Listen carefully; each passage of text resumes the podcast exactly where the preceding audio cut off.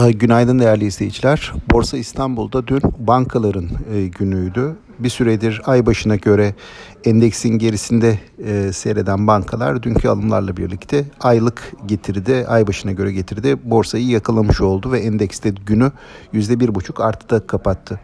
E, bu arada şu hatırlatmayı da yapayım. Gelecek hafta bankacılık sektörünün aylık verileri açıklanacak.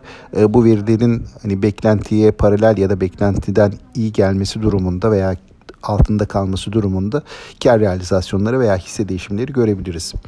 Ee, buna karşılık borsada bankalar iyi geçti dedik. Buna karşılık perakende ticaret sektöründeki e, zayıf seyir ve olumsuz ayrışma devam ediyor. Dün de bu sektör hisselerinde genelde satış eğilimi hakimdi.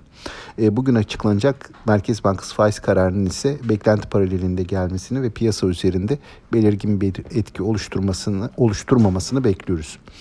Küresel piyasalarda ise dün açıklanan FED tutanakları üyelerin faiz artış ivmesinin yavaşlamasına sıcak baktığı şeklinde yorumlandı ve bunun da hisse senedi endekslerine yansıması olumlu oldu.